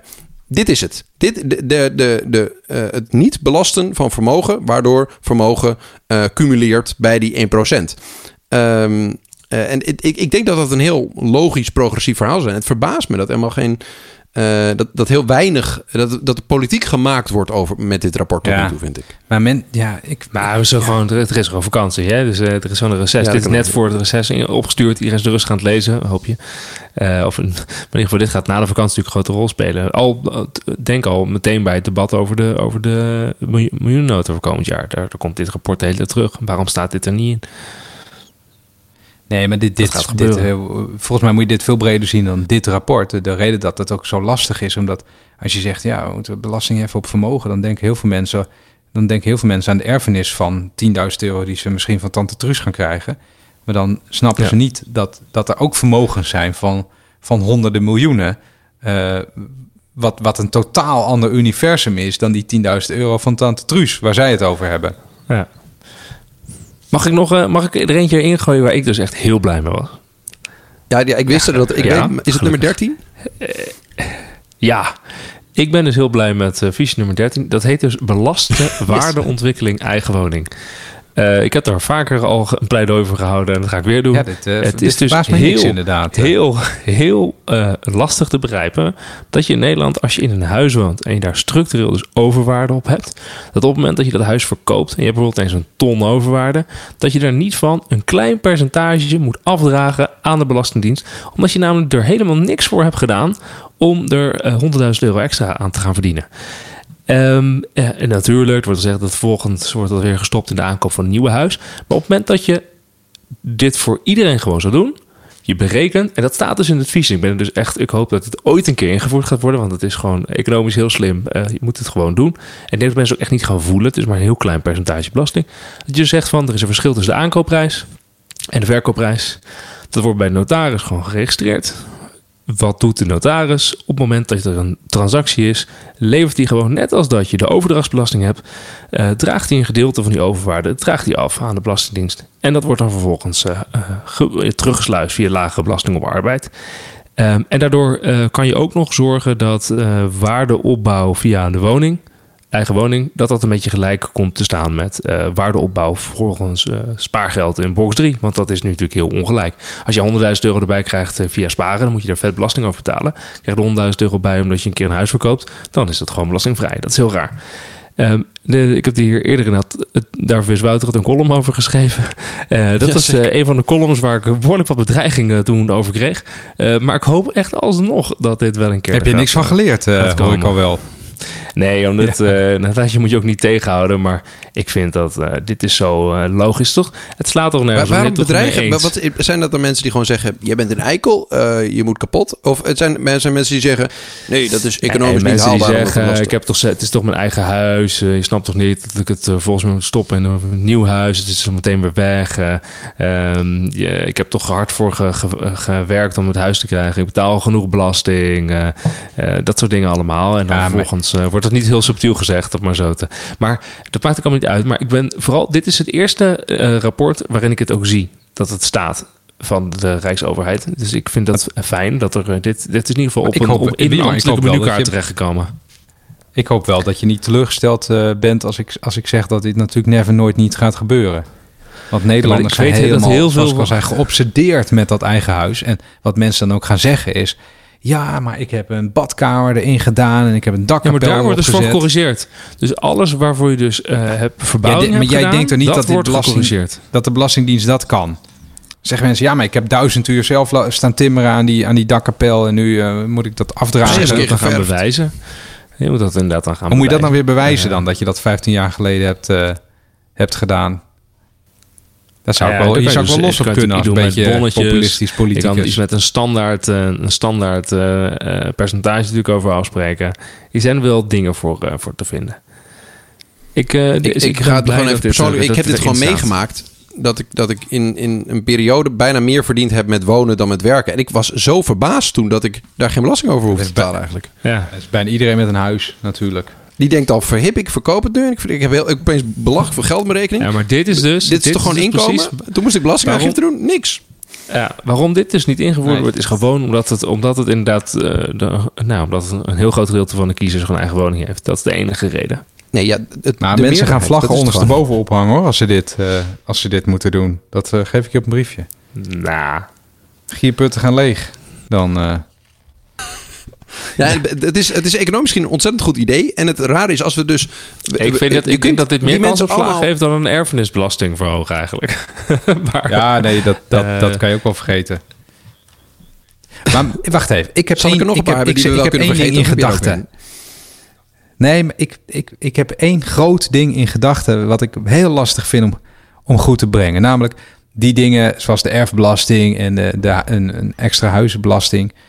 Um, dat zullen mensen, daar zullen mensen heel erg op tegen zijn. Dat zeiden we net al. Maar waar mensen vaak heel boos over worden, zijn die, zijn die belachelijke constructies van mensen die al heel erg veel geld hebben. Dus wij met onze, we hebben, we hebben paar, normale mensen hebben misschien een paar keer 10.000 euro op de bankrekening staan. Die moeten dan op een gegeven moment belasting betalen. En die worden daar heel boos van. Dat snap ik wel. Uh, maar waar die mensen dan wat zij heel oneerlijk vinden, is dat al die constructies bestaan. En eh, ja, die lui die komen er altijd maar mee weg. En hè, die maken gebruik van de wet. En uh, die hebben goede adviseurs, die hebben wij niet. Is er nou niet een manier om een soort atoombom op dat hele stelsel van belastingontduiking uh, te belastingontwijking, moet ik zeggen. Hè? Wat legaal is, maar wat eigenlijk niet deugt.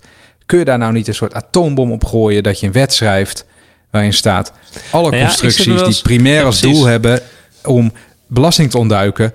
De belastinginspecteur kan die constructies op eigen gezag verbieden of uh, vernietigen, nietig verklaren, weet ik veel. Ik ben geen jurist.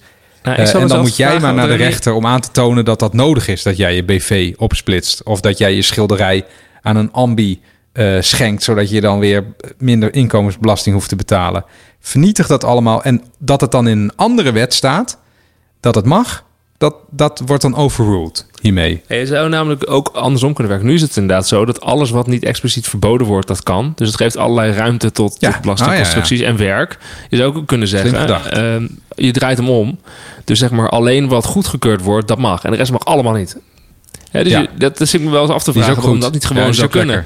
Je kan natuurlijk ook gewoon de, de je kan gewoon de, dat, de, de, de, de hoe het discretionaire bevoegdheid van de Belastingdienst uh, verhogen. Nee, nee, de baseline uh, kan je veranderen natuurlijk. Je kan, uh, je, je, kan gewoon zeggen van oké, okay, oh ja, het, het, nee tenzij. Hè?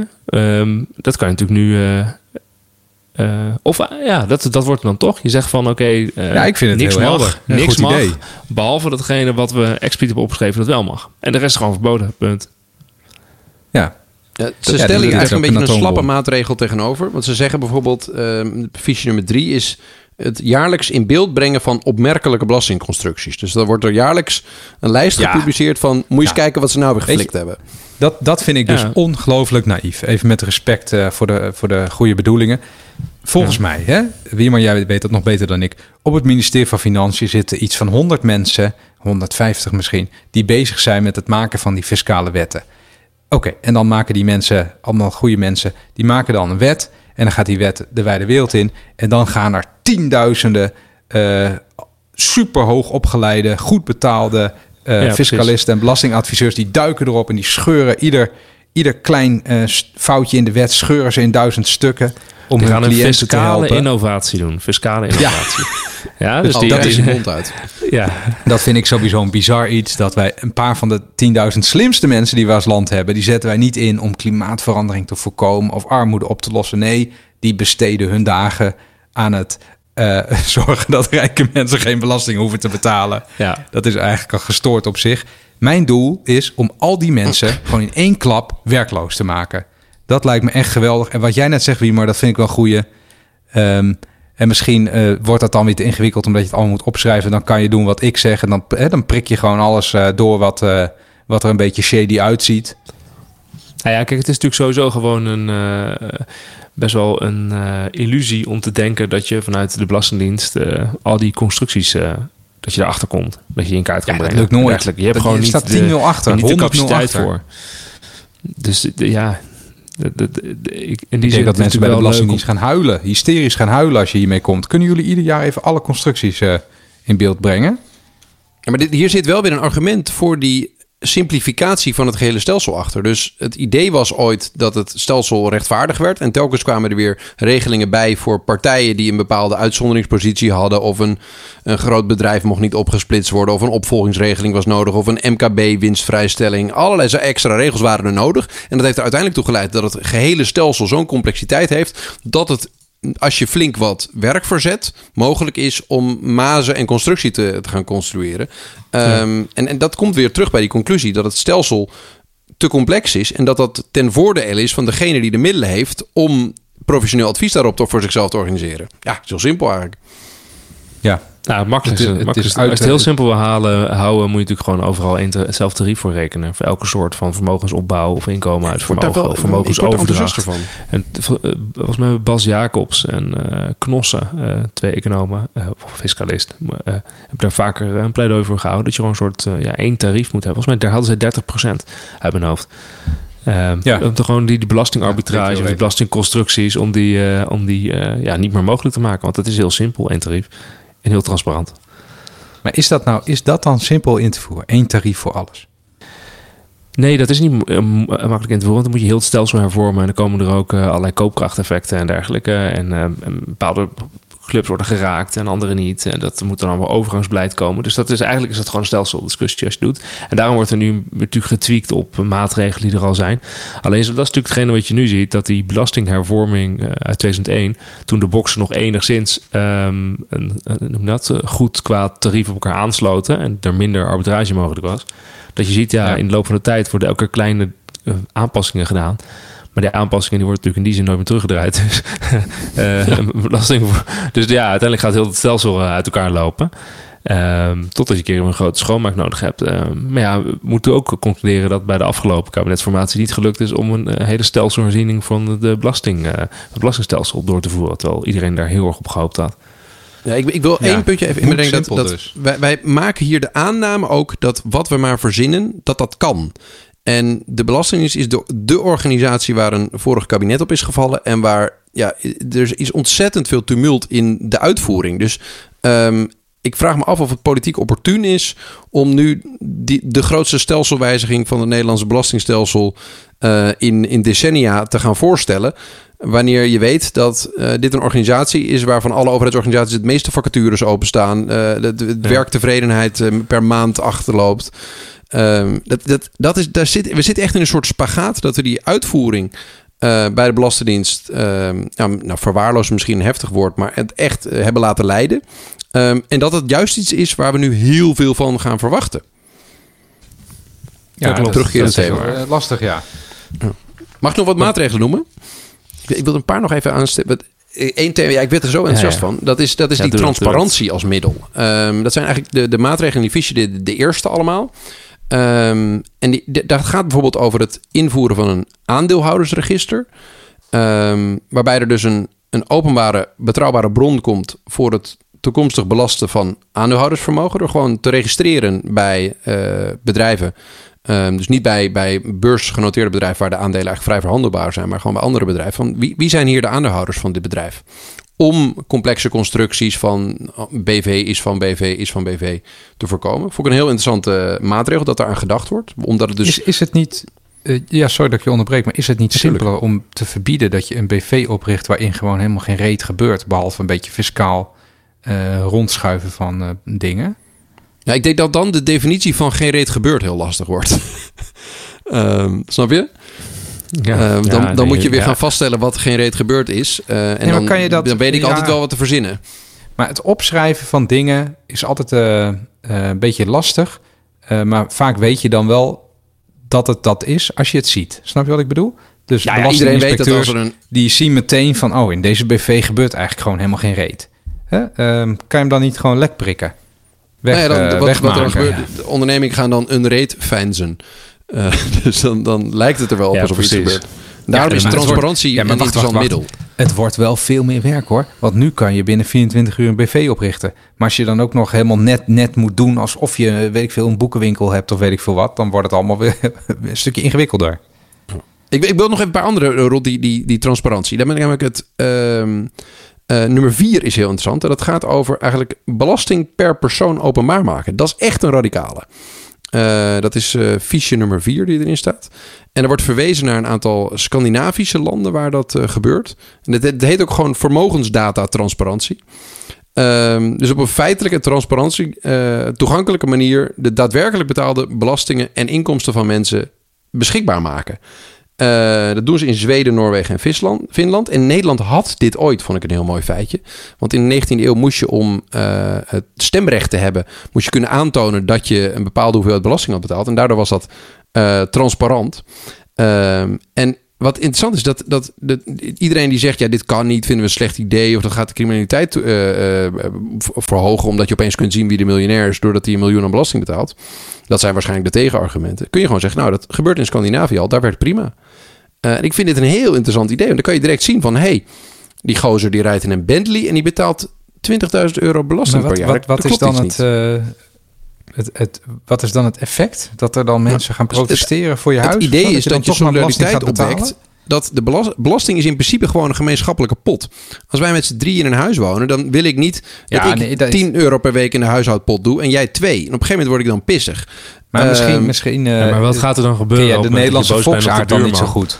Ik denk dat mensen die bijna geen belasting betalen, die, worden, die krijgen eerst een klap op de schouder. Uh, geweldig, kul, hoe doe je dat man? Kan, je, kan je mij adviseren om dezelfde Welke adviseur heb jij? Daar ga ik ook heen. ik denk dat dat gebeurt eigenlijk. Oké, okay, dat effect ja, hebben ze niet meegenomen. Oude, oude rakker, hoe doe je dat? Nou ja, tot nu toe heeft bijvoorbeeld uh, de, de openbaarmaking van, uh, van de salarissen van, van topinkomens, inderdaad, dat heeft alleen maar een, een opdrijvend effect gehad. Hè. Dus ik, ik ben zelf wat terughoudender met dit soort. Uh, je wordt wel beter gevonden door golddiggers dan, ja.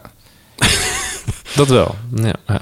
ja had jij er ik, nog eentje, Wouter? Het, nou, dit waren eigenlijk de, de transparantie-elementen. en ja, uiteindelijk, ja, de, de, die we wel, wel genoemd hadden, vond ik ook een hele mooie. Gewoon verhuurd vastgoed belasten. Dat, uh, dat is een fres nummer 23.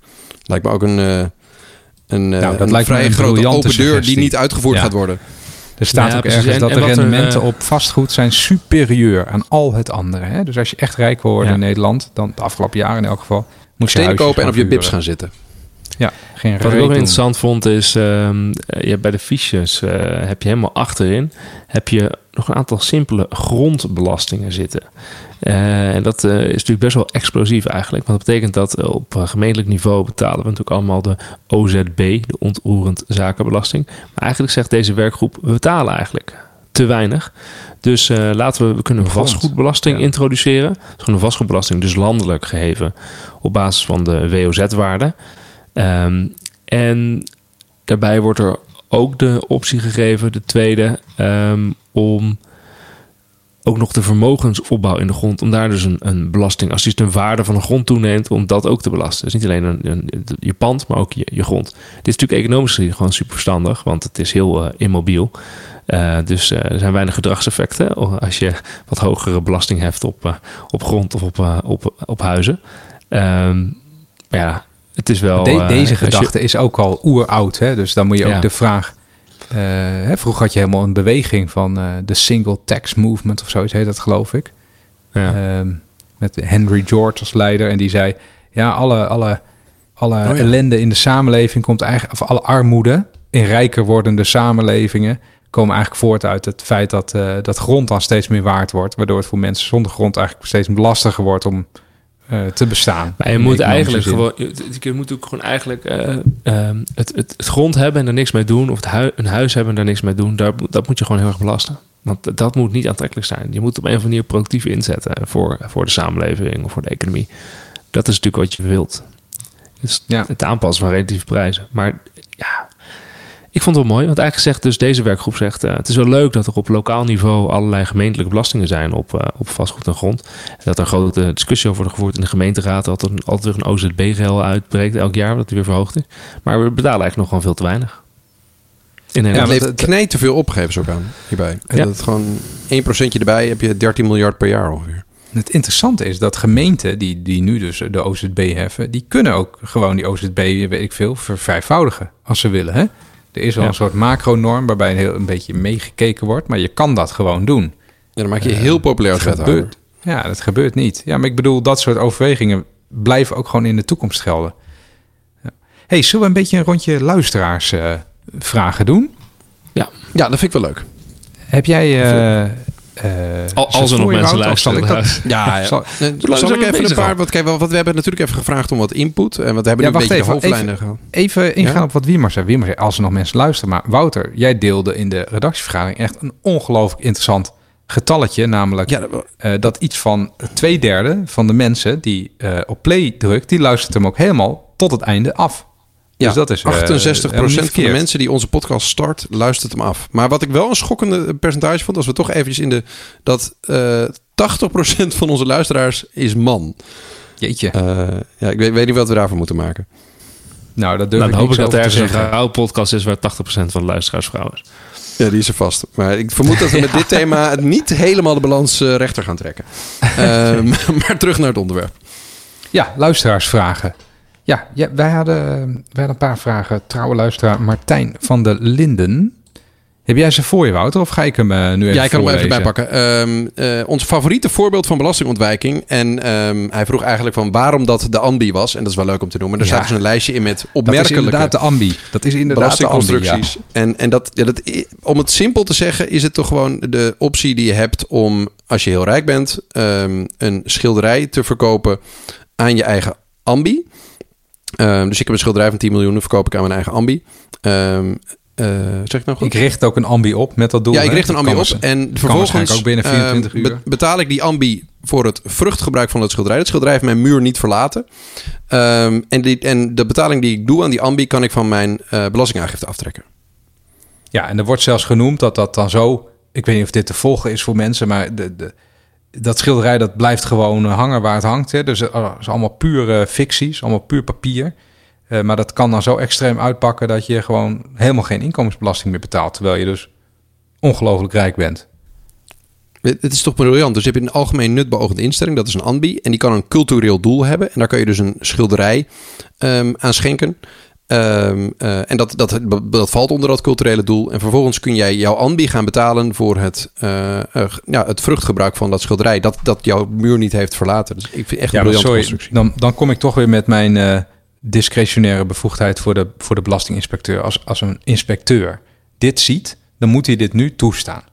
Sorry, maar dit moet je dan toch gewoon zeggen... hallo meneertje, mevrouwtje, wat is dit voor onzin? Dit, eh, hier zet ik onmiddellijk een streep doorheen. Maar dit, is, dit concludeert het rapport ook wel. Het is ontzettend lastig om zaken als eh, cryptocurrencies, maar ook dus schilderijen, ehm, eh, juwelen, eh, antiek, om dat als vermogen op een manier, op een logische wijze te belasten. Dus eh, kijk, als ik, als ik 10 Ja, maar eh, wat miljoen op mijn bank heb staan, ben ik makkelijk te vinden. Ja, dus Ja. wat hier gewoon staat eigenlijk is dat de vermogensongelijkheid in Nederland nog groter is dan wat hier, wat hier wordt Ja, aangekondigd. Er zit nog heel veel in kistjes en in huizen, in antiek, in schilderijen. Aan Dat de we niet zien. Ja, want als ik hier een Rembrandt aan de muur heb hangen van 10 miljoen... dan eh, weet niemand dat. Of dat hoeft niet. Dat hoeft niemand te weten. Nu wel. Nee. Nu Ja. weten mensen het. Bij. Nu weten mensen dit. Ja. Ik heb dat niet, mensen. Ik blijf weg. We gaan, ik, vond ik, eh, een, we gaan even door met, met onze inhoudelijke eh luisteraar. Want die moeten we echt waarderen. Teun Duitsteen vroeg van... waarom zou je eigenlijk eigen woningen buiten de belasting op kapitaal houden? Ehm, waarom is het niet gewoon bezit is bezit? Ehm, dus al het bezit valt onder vermogen. En, eh, en dan met een belastingvrije drempel... waarbij eh, de onderbeste helft bijvoorbeeld niks betaalt. Nou, dat vond ik wel eigenlijk wel een logische Ja, vraag. dat vind ik een uitstekend idee. Weet je, waarom, dat- waarom die richtingen zijn hier ook in, hè? Ja, nee, dat ja, die optie wordt genoemd, Teun. Dus eh, misschien kunnen we gewoon zeggen... eh, ja, de ambtenaren vinden dat ook wel een redelijk idee. Maar het is sterk ook- logisch om een eigen woning op die manier... om, te- om dat ook gewoon in box 3 te zetten. En te, te, te, te- als je ook weer dat zo'n gaat belasting zou hebben... gebeuren. Dus ik hoop dat Teun dan niet eh, teleurgesteld is, maar dat gaat nooit gebeuren. Huizenbezitters bepalen wat er in Nederland gebeurt. Ja, ik, ik grap wel. eens. Je hebt eigenlijk twee soorten mensen in dit land. En dan zeggen mensen, ja, je hebt mannen en vrouwen. Nee, nee, nee. Je hebt mensen die geen woning bezitten en die bezitten. die wel een woning bezitten. Ja. En mensen die geen woning bezitten, die worden verneukt in Nederland, fiscaal. Je, het wordt zo gezien, je bent niet een serieuze burger als je niet een huis bezit. Dat is iets voor studenten of jongeren of arme mensen. Ik chargeer er bewust even, maar dit is, Ja. dit is de Maar realiteit. dit zie je ook terug. Hè? Dat zie je ook terug in het rapport met al die staartjes. Dat de, eh, de grootste verschillen qua vermogensopbouw, arm kansongelijkheid is gewoon huurders versus m- mensen die een koopwoning hebben. Daarbij kan je ook discussie voeren. Als je in een huis woont met eh, bijvoorbeeld overwaarde, maar je, hebt het, eh, je woont erin, dan kan je niet zoveel met die, met die, met dat, met die overwaarde. Dus die is niet liquide.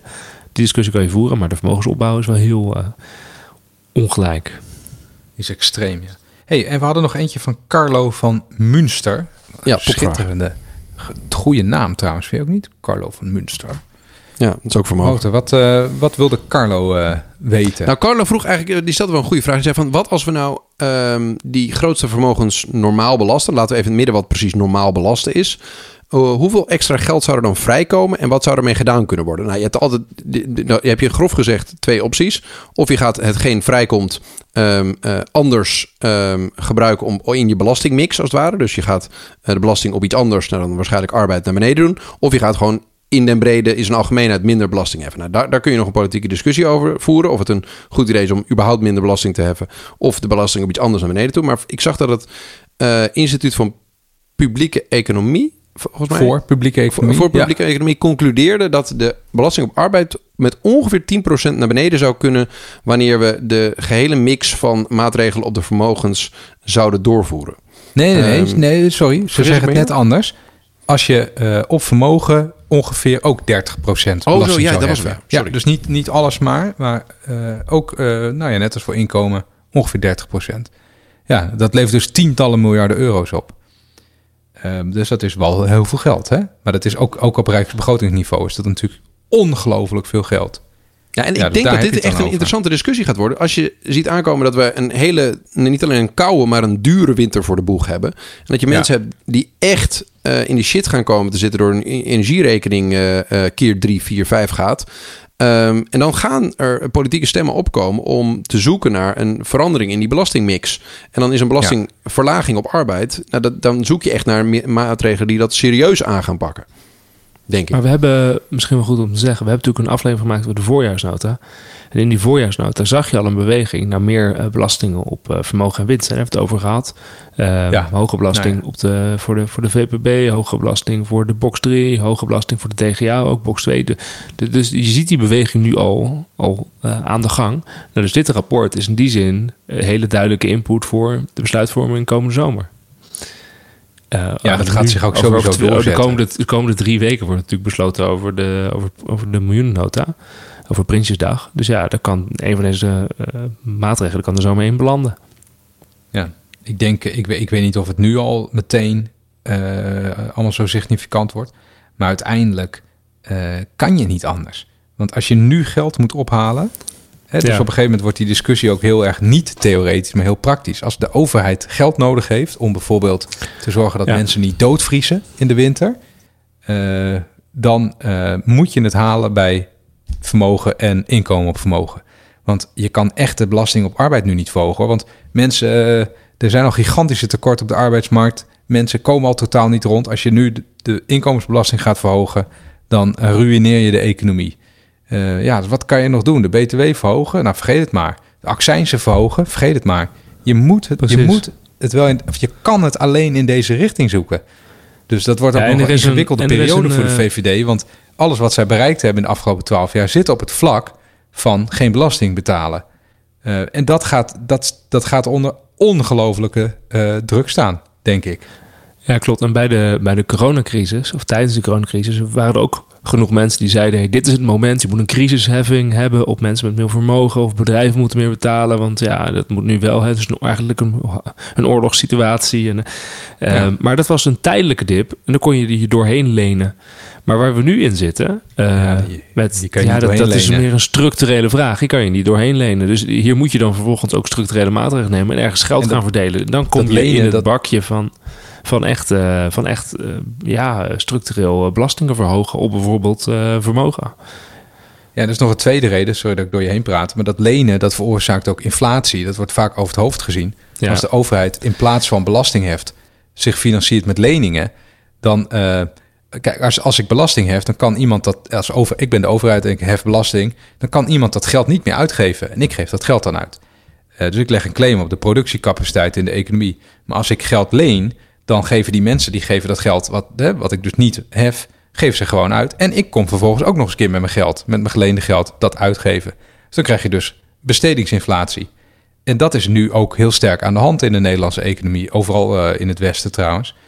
Um, en dat betekent ook dat als je die inflatie, die gewoon crazy is op dit moment, uh, en waardoor mensen uh, met, met kleinere inkomens financieel stuk gaan, uh, als je die onder controle wil brengen, dan kan je niet, dan kan je niet maar blijven lenen. Ook al is de rente nog, uh, uh, nog laag.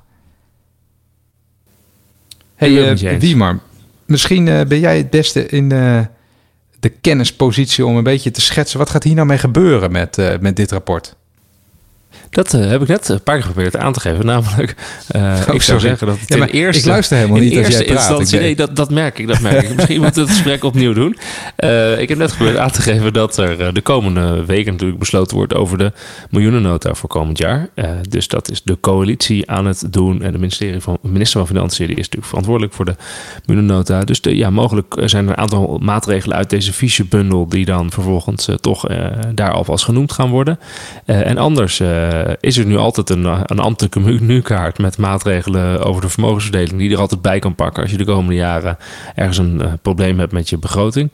En sowieso wordt het een uh, duidelijke inputkaart voor de komende verkiezingsprogramma's. dat gaat natuurlijk nog een jaar of drie duren, maar dan ligt dit wel klaar. En daar gaan partijen zeker gebruik van maken als ze bijvoorbeeld een verkiezingsprogramma's gaan doorrekenen door het Centraal Planbureau. Want Centraal Planbureau zeggen, alles wat in deze menukaart staat, uh, daar hebben we zelf ook aan meegewerkt. Dus dit mogen jullie allemaal opvoegen in jullie uh, verkiezingsprogramma. En dat vinden wij dan uh, een akkoord een goed idee. Nou, dat was even. Maar zat niet te luisteren, dus uh, zullen we het opnieuw doen? nee, ik zat, weer niet te, ik zat weer niet te luisteren, want we hadden... Sorry, nee, ik um, Oké, okay. ik, ik, zal nog even vertellen wat er gebeurt met deze, dit rapport. Nee. okay. nee, ik had nog beloofd dat ik iets zou opzoeken, namelijk hoeveel IBO's er nou uh, gedaan worden. Ja, jij trekt dat niet, hè? Zo'n zo'n vraag open blijft staan, vind ik heerlijk. Geniet ik van. Nee, maar ja, weet je, kennis uh, is macht, hè? Ik weet niet wat je hier dan precies hebt. in 2020 zijn er dan twee IBO's gedaan deeltijdwerk, deeltijdwerk en toeslagen, dat is allemaal niet, dat is niet, allemaal niet zo relevant. 2021 uh, 5. Uh, dus aan dat soort getallen moet je dan een beetje denken. 2019 gaat dan weer net weer verder op de volgende pagina. Uh, 4. Nou, zo gaat het een beetje verder. 4, 5, 6 per jaar. Zo moet je het ja, ja. ja dat is, ik had inderdaad dat, in mijn hoofd dat er meer waren. Nou, dat is ook wel goed om te weten. Hey, hey um, wie maar, ik vond het hartstikke goed gaan. Dank. Ja, ik vond het ook leuk. Uh, wel weer heel inhoudelijk. Um, en um, uh, ik, ik zou zeggen, uh, hou dit vast, lieve luisteraar. Doe via vriendvandeshow.nl slash studio gif suggesties voor de onderwerpen. En misschien pakken we ze ook wel op bij een afdoende donatie. Zo zijn we er ook alweer. Um, en ik wilde als laatste ook nog eventjes remotepodcast.nl bedanken voor dit sublieme geluid waar u waarschijnlijk naar geluisterd heeft. Moest ik nog even zeggen, Randy. Ja, dat, het is heerlijk inderdaad. Ik vind het echt geweldig. En we gaan nog steeds maar de volgende keer komen jullie weer naar Groningen. Dus dan hebben we Wim uh, één keer niet nodig. Is dat zo? Gaan we de volgende keer naar Groningen komen? Ja, of de, de navolgende keer. Oké, okay, dan gaan we... Ja, volgens mij wel, we hebben een soort agendaatje. Maar we moeten ook nog een keer uh, live opnemen. Ja, dat gaan we doen ja. in Groningen, vriend. Nee, ik nee, bedoel, met mensen in een café. Publiek. Met, met ja, dat, dat is gewoon lachen. mensen nee, erbij. Dat je gewoon een keer hoort, uh, al die mannen die naar ons luisteren, die wil ik ook een keer ontmoeten. kan, je, kan je bier drinken? Oh, je zit wel in dat 80, dat er 80% mannen zijn. Waar wonen ze ook weer? Meest in Amsterdam waarschijnlijk. Ja, hè? Dus dan moeten we gewoon eens in Amsterdam doen. Utrecht. Misschien is er niet, is er niet even een leuke Amsterdamse evenement... wat denkt van, joh, uh, laten we uh, een podcast daar neerzetten. Dan kan, daar, daar kan je het ook al voor benaderen. Ja, of die moeten we zeggen, dan kan je Wouter kan het helemaal niet. Ik kan het helemaal niet voor het publiek, joh. Ik weet niet. Uh, ik vind het doodeng. Ja, uh, Wouter en ik komen wel een verhaaltje houden. Dan blijft Rennie hier, die belt in vanuit Groningen. Trillend zit ik in een hoekje dan. Hey, uh, lieve luisteraars, bedankt voor het luisteren. En tot, tot de volgende keer maar weer. Tot de volgende keer. Yes, dankjewel.